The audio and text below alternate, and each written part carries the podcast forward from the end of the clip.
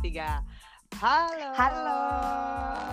Jumpa lagi dengan kami dari podcast TKW tentang, Tentang kehidupan, kehidupan di Wina. Dengan gue Beka. Dan gue Ata. Ya, gimana kemarin eh, udah setelah dengerin eh, episode pertama kami, apakah mendapatkan pencerahan? Dan ternyata not bad juga loh, Bek. Gue cek yang denger ada sekitar 40. 45 orang gitu 40 terakhir. Yes. ribu atau 40 perak. 40 saja. Oh, oke oke. Not bad lah. Nggak nggak nggak jelek ya. Hmm. Untuk episode pertama. Hmm. Mm. Nah, terus gimana nih? Eh, kita udah ada di mana aja nih, Tak? Oh iya, Podcast eh, kita. podcast kita sekarang udah online di Google Podcast, di Stitcher, Pocket Cast, sama Spotify. Wah. Tinggal nunggu Apple Podcast nih, semoga segera di sama mereka. Ya. Nah, terus. Kal- eh, kalau misalnya ada yang mau kasih feedback, bisa nggak sih langsung? Apa kemarin kan kita masih belum tahu ya gimana caranya untuk berkomunikasi dengan fans-fans kita yang Fans. ribuan orang itu ya. pendengar cuy. Em, iya nih ternyata setelah gue like emang gak ada tombol feedback, adanya tombol buat ngasih tepuk tangan gitu pas dengar. Tapi jadi intinya sih kalau mau pada ngasih feedback atau saran atau komentar atau apa pun, boleh lewat sosmed-sosmed kita, boleh lewat Instagram. Instagram gue ini sekalian promosi ya, sorry, sorry Dori Mori. Instagram gue at traveling.natali. Terus Twitter gue Natali Zileta atau bisa juga lihat email nanti gue tulis di deskripsi episode ini kalau lo back coba eh, sosmed sosmed lo apa aja Ah, sekarang sosmed gue cuma tinggal Instagram sih. Instagram gue eh, namanya sangat Batak. ada ma- ada marganya. Eh, Instagram gue B- BK double C BK Marpaung. Mm-mm. Ya. ah nggak pakai titik nggak pakai apa-apa BK pakai apa. BK Marpaung. Mm-mm. kemarin katanya Terus- nggak mau disebut sukunya Ya gimana dong? Soalnya namanya udah jelas, Mm. nggak bisa disembunyikan lagi sukunya. Nah, terus eh, emailnya sama juga tapi pakai re. Jadi rebecca.marpaung@gmail.com. Oke, sip, gitu. Baiklah. Terus hari ini kita bakal ngomongin apa nih, Bek, di episode kedua kita? Ah, berdasarkan diskusi kami ya kemarin meeting. sudah setelah memeras ke- eh, otak sangat berat eh, kami memutuskan untuk mengambil tema kuliah di Austria. Wih, sangat bermanfaat untuk netizen ya. Ya, untuk netizen. Hmm, semoga terus em, karena kita berdua kuliahnya di Austria ya kita bakal fokusnya tentang kuliah di Austria. Tapi Ya. sebelumnya mungkin karena eh, Austria ini tidak famous, mungkin kita kita eh, ceritain lagi kali ya Austria tuh di mana sih Bek? Coba deh iya. sambil buka Google Maps. Untuk untuk yang belum yang masih mengira kami kuliahnya di Australia, ya nah sekarang gue jelaskan di manakah sebenarnya Austria itu. Mm-mm. Jadi Austria itu adalah sat- salah satu negara di Eropa. Eropa sebenarnya belum ya, gue juga nggak nggak nggak yakin ya dia masuknya Eropa Barat atau Eropa Timur. Karena berdasarkan lokasi sebenarnya dia ke, lebih ke Eropa Timur. Benar, Tapi berdasarkan eh, kekuatan ekonomi masih barat ya. masuknya Barat ya. Jadi ya ya itu tanya sama orang Austria aslinya lah mereka mau maunya di mana. Tapi yang pasti mereka ada di Eropa di benua Mm-mm. Eropa. Mm-mm. Nah, eh, Perbatasannya ya, eh, perbatasan Austria itu eh, di utaranya eh, ada Jerman Mm-mm. yang lebih terkenal. Yang sampai sekarang bokap gue juga masih sering salah mengira, sering salah ucap. Jadi kalau ada orang yang nanya eh, anaknya kuliah di mana, Eh, kuliah di Jerman. Iya itu biar gampang Biar sebenarnya. gampang karena kalau nanya eh, Austria orang pada nanya itu Australia atau apa gitu. Iya, Jadi udah Jerman aja biar gampang. Nah, Mm-mm. terus perbatasan eh, di sebelah utara barat itu Yoi, utara barat. eh salah, utara timur itu adalah Ceko Rep- eh, Republik Cek Czechs. Mm. Ya, bukan Ceko, bukan Cek Ceko. jangan ah, banyak yang masih mengira orang Indonesia ya banyak yang masih mengira eh, namanya itu masih Cekoslovakia. Hmm. Uh, tapi jangan sam- jangan pernah uh, mengatakan Nyebut. itu lagi karena orang Ceko bakal uh, tersinggung. ya mereka udah pisah ya. Udah pisah. Hmm. Nah, terus bagian Terputus. timur itu ada Slovakia, terus ada juga Hunga Hungary, Hungary, Ya Hungaria. Hungaria. Bahasa Indonesianya. Bahasa Indonesianya Hungaria. terus sebelah selatan ada Slovenia Mhm. Dan ada Itali di sebelah bag- eh, tenggara. Iya. Ya, tenggara Ya ya. Tenggara benar-benar. Mm-mm. Terus ada juga satu negara kecil namanya Li- Liechtenstein. Liechtenstein. Liechtenstein ya. Itu kecil banget tuh kayak ne, kayak desa Mm-mm, benar. Tapi di situ juga bahasanya Jerman deh kalau nggak salah. bahasa Jerman. Mhm. Sama yang terakhir itu eh, Switzerland. Ah, perbatasan darat juga ya sama Swiss. Iya, Hmm. itulah eh, negara-negara yang membatasi Austria. Ya, Oke, udah jadi kebayang? harusnya udah kebayang ya. Austria itu di mana? Semoga udah kebayang. Terus em, kota-kota di Austria nih ada apa aja sih, Bek? Yang lumayan terkenal. yang lumayan terkenal eh, sebelum gua ke Austria sih gue taunya cuma Vienna ya cuma Wina Mm-mm. tapi berhubung sekarang udah di sini gue udah eh, tahu beberapa kota kayak misalnya Graz terus ada Linz Yoi. ada Innsbruck Terus, Mm-mm. ini satu kota yang nggak pernah gue tahu sebelumnya Eh, itu namanya Bregenz Benar. Ya, Ya. itu juga gue belum pernah denger sih sebelumnya. Tapi emang Austria ini eh, rata-rata orang ke sini tuh untuk main ski. Jadi eh, Austria lumayan terkenal ya sama tim skinya. Dan katanya terbaik di dunia bukan atau eh, gue nggak yakin. kita kita nggak boleh fake news. Jadi ya harus- fake news ya Tapi ya eh, ya atlet-atletnya terkenal lah Mm. di dunia. Mm-mm.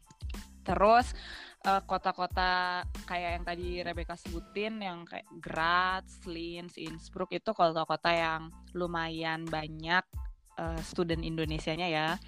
Hmm. Hmm, ya di- definisi banyak di sini banyak untuk yang terdaftar ada orang Iya. Indonesianya ya kota-kota itu. ya mungkin ada dua tiga orang itu lumayan banyak. Tuh. Tapi karena kita eh, kul- kuliahnya di Vienna, jadi kita di episode kali ini bakal fokus di Vienna aja dulu kali ya, Bek. Mm-mm. Mm-mm. Nah kalau di Vienna adanya uni apa aja ya? Nah, di Vienna itu ada yang terkenalnya universitas negerinya. Itu Universitas Vienna.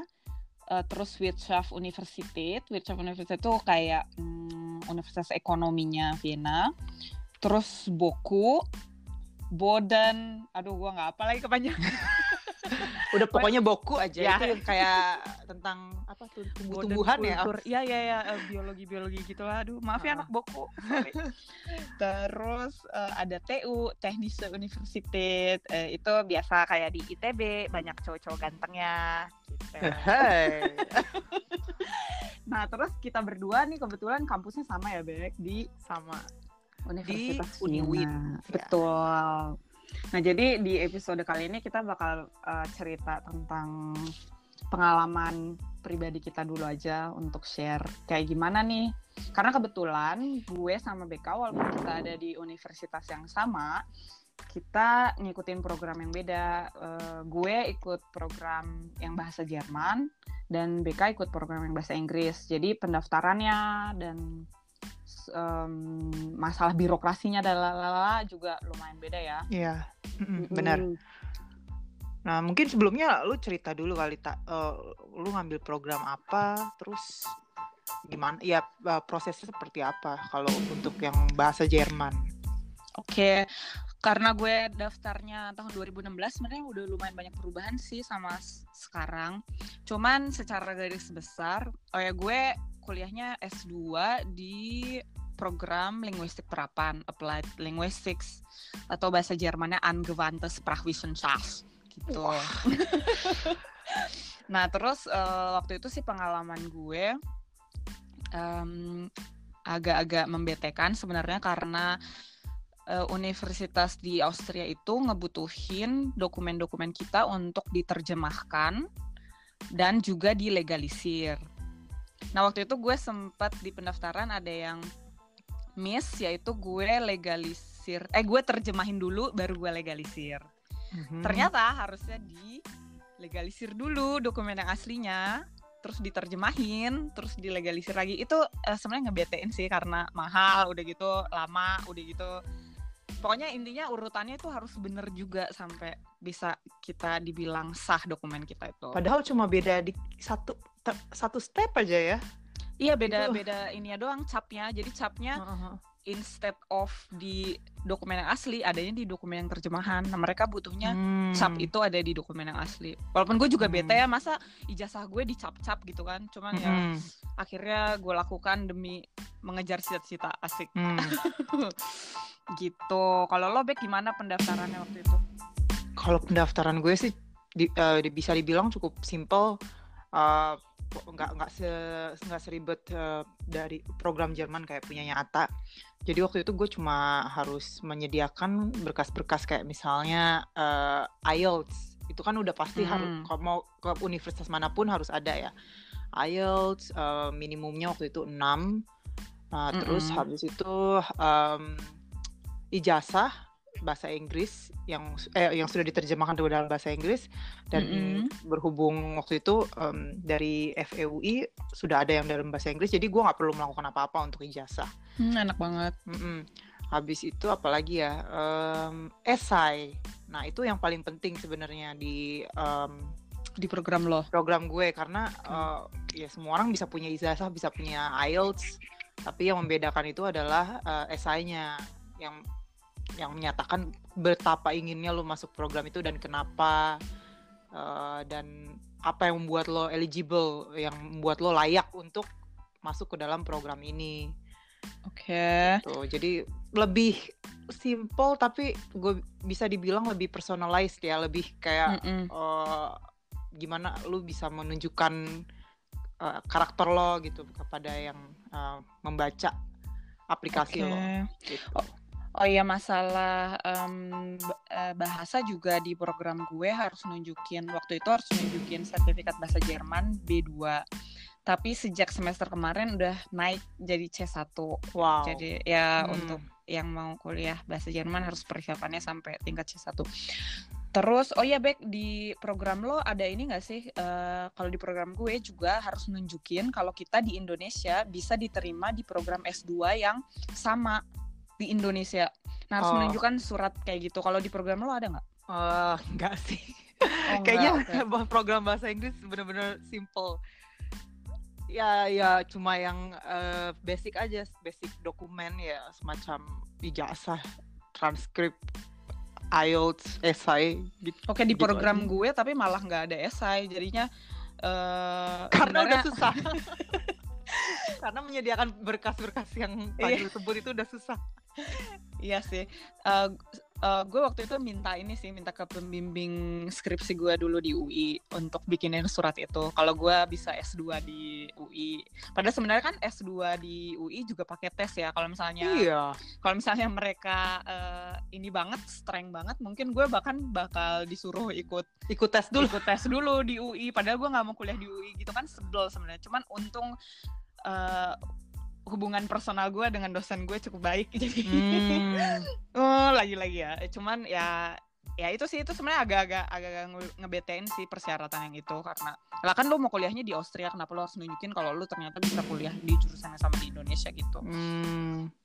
gitu okay. oh ya terus jurusan eh program lo juga baru termasuk baru kan ya Bek ya iya jadi gue itu angkatan kedua mm -mm. baru Oke. Okay. Hmm, tapi ya oke okay sih, ada pengajar-pengajarnya oke. Okay. Oh ya sama satu lagi, uh, seingat gue waktu itu gue diminta juga rekomendasi dari dosen.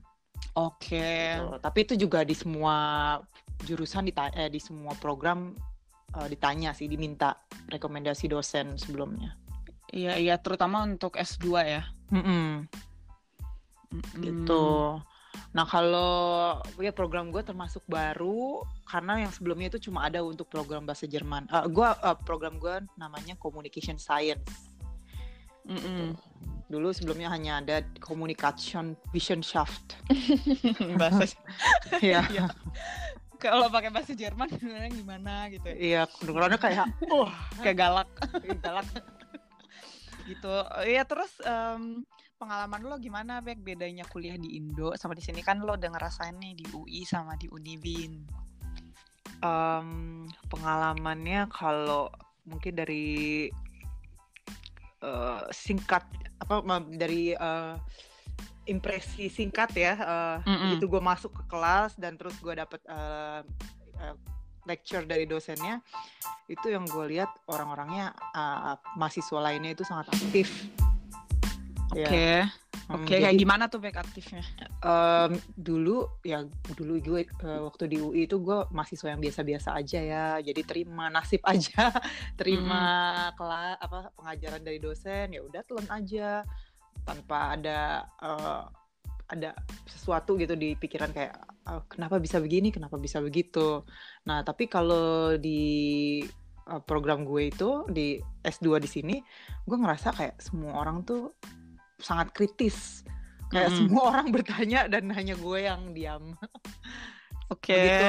Bi- bahkan dosen belum selesai men- belum selesai dengan tema hari itu kayak mereka bisa aja langsung potong langsung angkat tangan. Oke. Kalau dulu kan kalau gue sih ngerasanya kayak ah, takut dibilang nggak sopan atau kayak cari muka. Iya benar benar benar. Ah, Iya benar-benar. Sama sih sama gue. Gue juga yang waktu gue hari pertama yang paling gue kaget itu karena langsung dosennya langsung bikin jadwal presentasi untuk sepanjang semester.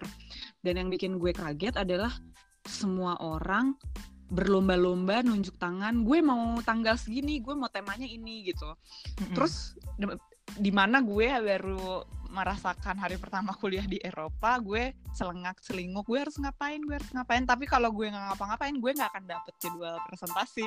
Hmm, Jadi di situ gue memberanikan diri, padahal gue masih kayak yang bingung harus ngapain. Cuman akhirnya ya intinya sih kalau kalau di sini kalau lu diem aja dan lu nggak aktif ya udah lu ketinggalan, lu nggak dapet apa-apa gitu. Mhm, Kalau yang gue alamin ya. Mm-mm. Gitu. Terus masalah nanya ke dosen juga gue inget banget tuh ada anak sini yang yang pas dosennya nerangin kakinya kayak naik gitu ke kursi udah mm-mm. gitu udah gitu pas dosennya kayak belum selesai gitu dia motong terus terus dia em, dia bilang ini kok kayaknya nggak ini ya nggak ilmiah ya kok kita eh, di sini sini aja yang ngomong eh, ngobrolin pembahasannya kayak kayak gitu loh komentarnya Hmm, hmm, hmm, hmm. sambil kakinya naik ke meja gue yang kayak shock sih pas gue lihat Wah itu kalau di Indonesia udah langsung dikeluarin di DO. Langsung, iya bener langsung DO. Da- tapi dosennya pun ngeresponnya, "Em, ya pertanyaan yang bagus, kayak awalnya gitu pertanyaan yang bagus. Jadi kayak oh oke, ya intinya anak-anak sini kritis ya. Iya dan uh, Hmm. dosen-dosennya juga sangat suportif ya. Um, kalau ada pertanyaan apa pun pasti dipuji dulu, Iya benar. dipuji benar. dulu, terus habis itu baru dijawab. Benar, benar, Ah. dipuji. Mm-mm. Terus eh, yang yang yang gue inget beda juga masalah ospek. Jadi di sini Oh tuh masih ada ospek ya? nggak gue nggak sebenarnya gue sebenarnya nggak ada ospek sih, cuman ada masa eh, ada kayak Orientasi. orientasi gitu kan. Dan gue juga merhatiin ya anak-anak S1 gimana nih gitu. Karena gue penasaran juga. Dan aduh nggak ada banget kayak di Indo yang eh, disuruh Di- pakai topi lucu. dipermalukan semakin dipermalukan, disiksa. semakin lu dipermalukan semakin besar Aduh, itu pahala nggak- lo. itu nggak ada banget dan isinya malah isinya malah si Unileben itu kan isinya malah seminar-seminar yang akan membimbing ke depannya kayak Hmm. eh, gimana hukumnya di sini kalau mau kerja sambil kuliah, terus gimana cara nulis ilmiah yang benar, eh, gimana cara membagi waktu manajemen waktu yang benar, Oh lebih ini ya, lebih ins- um, instruktif, uh, lebih informatif gitu ya. lebih bermanfaat ya. Dan itu isi dan itu semuanya em, voluntarily ya. Jadi nggak nggak dipaksa. Kalau ada yang mau ikut silakan. Kalau nggak mau juga silakan. Terserah itu untung ruginya lo yang nanggung sendiri intinya kayak Hmm. gitu. Dan dari hari pertama hari kedua kuliah itu selalu ada juga eh, bagi-bagi kantong yang isinya makanan Wow, macam-macam. kita harus datang itu ya. Ya, kita harus datang nanti tanggal satu karena mereka juga nggak cek mana yang maba mana yang enggak jadi Oh. semua bisa ngambil. ya, jadi kami itu juga seka- eh, pemburu goodie bag ya di sini. Yoi goodie bag apalagi goodie bag kema- tahun kemarin isinya ini loh Nutella gede gitu. Oh, wow. Jadi oke. mm, oke harus datang sama Tahun ini beras Ska- eh, sekalian sama rotinya nggak ya? Moga sama sekalian sama rotinya ya. Tahun lalu ada beras juga isinya beras sama mie Oh my itu God. Kok itu beras Unilever atau kempong pengungsian ya? Bukan. Itu beras dari dari paman Sam atau apa gitu yang lumayan mahal lah. Wow. Ya. Nah, jadi bahas makanan. gitu. Terus eh, kalau kalau masalah kayak pertemanan gimana Bek? Mirip-mirip nggak sama di Indo kalau pengalaman lo? Eh, pertemanan ya yang pasti udah beda beda ras ya. beda ras tapi yang yang gue notice dari pertemanan di sini sih kayak fair ya kayak apa kalau misalnya gue kesusahan pasti um, ada yang bantu ada yang uh, willing to to help gitu Oke di Indo nggak gitu ya? Eh, jarang ya Oke. Maksud lo yang kayak berhubungan sama perkuliahan atau berhubungan sama perkuliahan Itu atau in satu. general? in- berhubungan sama perkuliahan sih tapi in general ya tergantung ya kalau emang dia teman baik ya pasti dia bantu dalam hal apa pun Oke. tapi kalau teman biasa-biasa aja ya ya ini aja basa-basi aja kalau ketemu tapi ya gue ngerasa lebih em, lebih terbuka aja sih sekarang karena gue kan eh, terekspos dengan berbagai macam kultur berbagai Mm-mm. macam negara. Jadi gue kalau misalnya ngomongin apa eh, makanan eh, nanti kita sharing kalau makanan negara mereka seperti apa atau budaya-budaya kayak misalnya apalah liburan atau apa pun itu. Jadi gue merasanya eh, wawasan gue jadi lebih terbuka luas ya sekarang dengan pergaulan gue yang sudah go internasional ini. Wih. Oh iya, so- soalnya program bahasa Inggris lo isinya juga orang-orangnya dari berbagai macam negara ya. Iya betul ada Hmm. dari Amerika Serikat, ada juga dari Czech Czech Republic, Slovenia, Jerman nih, terus Kroasia, Mm-mm. eh, Rusia, Hmm. Rata-rata Eropa ya, tapi Eropa Amerika. iya Eropa Amerika. Yang Asia cuma gue sendiri sih. Sama satu ada orang eh, dari dari Afrika, dari Nigeria. Ah, oke. Udah itu aja. Oke. Ya. Berarti pak pengalaman lo beda sama gue ya, karena gue di Ah di iya, gimana tuh kalau di program bahasa Jerman? Jerman.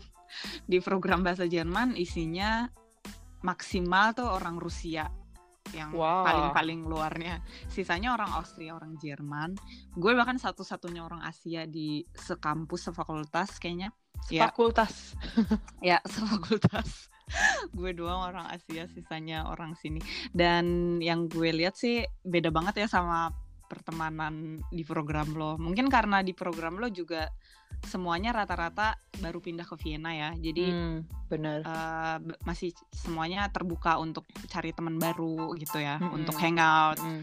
Sementara di program gue isinya udah orang-orang yang udah dari lahir di sini, yang udah punya circle-nya masing-masing. Hmm. Jadi eh, emang yang gue rasa sih orang Austria kurang gue nggak mau stereotype tapi eh, Yang lo rasakan. aja, Hmm. itu kurang terbuka sama orang baru karena mungkin mereka juga udah punya teman masing-masingnya di yang teman dari TK kayak gitu banyak banget di sini yang temenan masih temenan deket dari teman dari playgroup dari TK tuh masih kayak hangout bareng sampai gede jadi ya susah juga untuk orang baru masuk ke circle-nya mereka Iya. gitu. Tapi itu mungkin bukan stereotip orang Austria aja ya. Gua nggak tahu. Mungkin harusnya ada eh, kayak research di belakang teori Mm, gue, ini, mm. asumsi gue ini. Mungkin ini Mm. juga berlaku buat orang mana pun. Kalau misalnya mereka udah punya circle, ya ngapain gue harus punya teman baru? Bisa jadi Mm-mm, ya. mm-mm, mm-mm, mm-mm. Iya sih ya mungkin gue juga nggak tahu ya harus dilihat lebih dalam. Iya. Tapi dari pengalaman gue kayak gitu. Hmm. Cuman sekarang sih setelah setelah gue masuk ke semester 5 itu ketahuan kuliahnya kelamaan. Cuman harusnya program lu berapa lama tak? uh, program gue dua setengah tahun jadi ini harusnya gue semester ini lulus sih cuman gue Ah, belum ada oke. belum gue kayaknya masih dua semester lagi gitu eh ya gue di masuk ke semester ini gue akhirnya gue punya teman yang lumayan dekat dan itu pun sebenarnya bukan orang sini yang satu orang Belanda yang satu orang Finland itu teman dekat gue yang di kampus Ah, oke. gitu jadi emang emang kayaknya kalau lo sama-sama foreigner lo sama-sama baru di Vienna lo lebih gampang kliknya gue sih ngerasanya kayak gitu Hmm. Iya, iya, iya. Iya ya, ka- kalau dipikir-pikir eh, dari mulai a- dari awal sampai sekarang program eh, teman-teman gue di program gue itu sering banget bikin acara gathering. Gathering apa? Eh, inilah Thanksgiving lah atau housewarming, terus eh, atau summer party. Jadi kita pasti rutin bikin acara kalau di program gue. Dan mungkin juga karena em, di program gue itu sedikit ya jumlahnya. Jadi program gue itu hanya terdiri dari 20 20 orang. Mm-mm, mahasiswa. mm-mm. Jadi itu jadi lebih gampang deketnya ya lebih gampang. Jadi ya lu mau ngobrol ya ngobrol sama mereka-mereka juga gitu. nggak mungkin kalau misalnya pindah mat- eh, pindah kelas eh, pin misalnya ada mata kuliah selanjutnya ya ketemunya mereka-mereka lagi gitu. Jadi ya udah terbiasa ngobrol sama mereka jadinya mungkin jadi lebih deket gitu ya. Ya, Kalau- dan dan mata kuliahnya juga dipaket kan ya Bek? Sudah jadi kayak mm-mm. jadi Kalau- lo ketemu orang yang sama Iya, kalau misalnya eh, di program lu mungkin selalu ketemu orang yang berbeda-beda ya. Tiap mata kuliah apa beda lagi sama mata kuliah yang Iya, selanjutnya. benar program gue lebih kayak gitu lebih ya kadang ketemu yang ini kadang ketemu yang itu dan isinya juga banyak banget mahasiswanya nggak banget sih cuman udah di atas 100 orang lah satu program Wow. Banyak Tuh. sekali. Mm-mm, jadinya hubungannya juga nggak terlalu erat kayak program lo gitu terus terus Kira-kira apa lagi ya? mungkin eh, kayak hubungan sama dosen ya gimana back di pengalaman lo di program lo relationship sama dosen Yang pasti dosen gue kenal sama gue, gue kenal gue harus kenal sama mereka. Eh, tapi ya karena juga eh, mahasiswanya sedikit ya di program gue. Jadi mau nggak mau udah saling kenal gitu sama dosennya. Oke. Terus em, apalagi ya kayak mereka eh, kalau misalnya gue konsultasi misalnya tentang tesis gue, mereka itu sangat eh, ini ya sangat suportif dan eh, ya kritik ada tapi kayak lebih banyak eh, motivasi dan supportnya gitu. Jadi gue sih merasa sangat puas ya dengan mm, performance dari dosen-dosen di program gue. oke Gitu, performance ya performance dan cara mereka memperlakukan gue. Oke, eh sama waktu di dulu di UI mirip-mirip juga.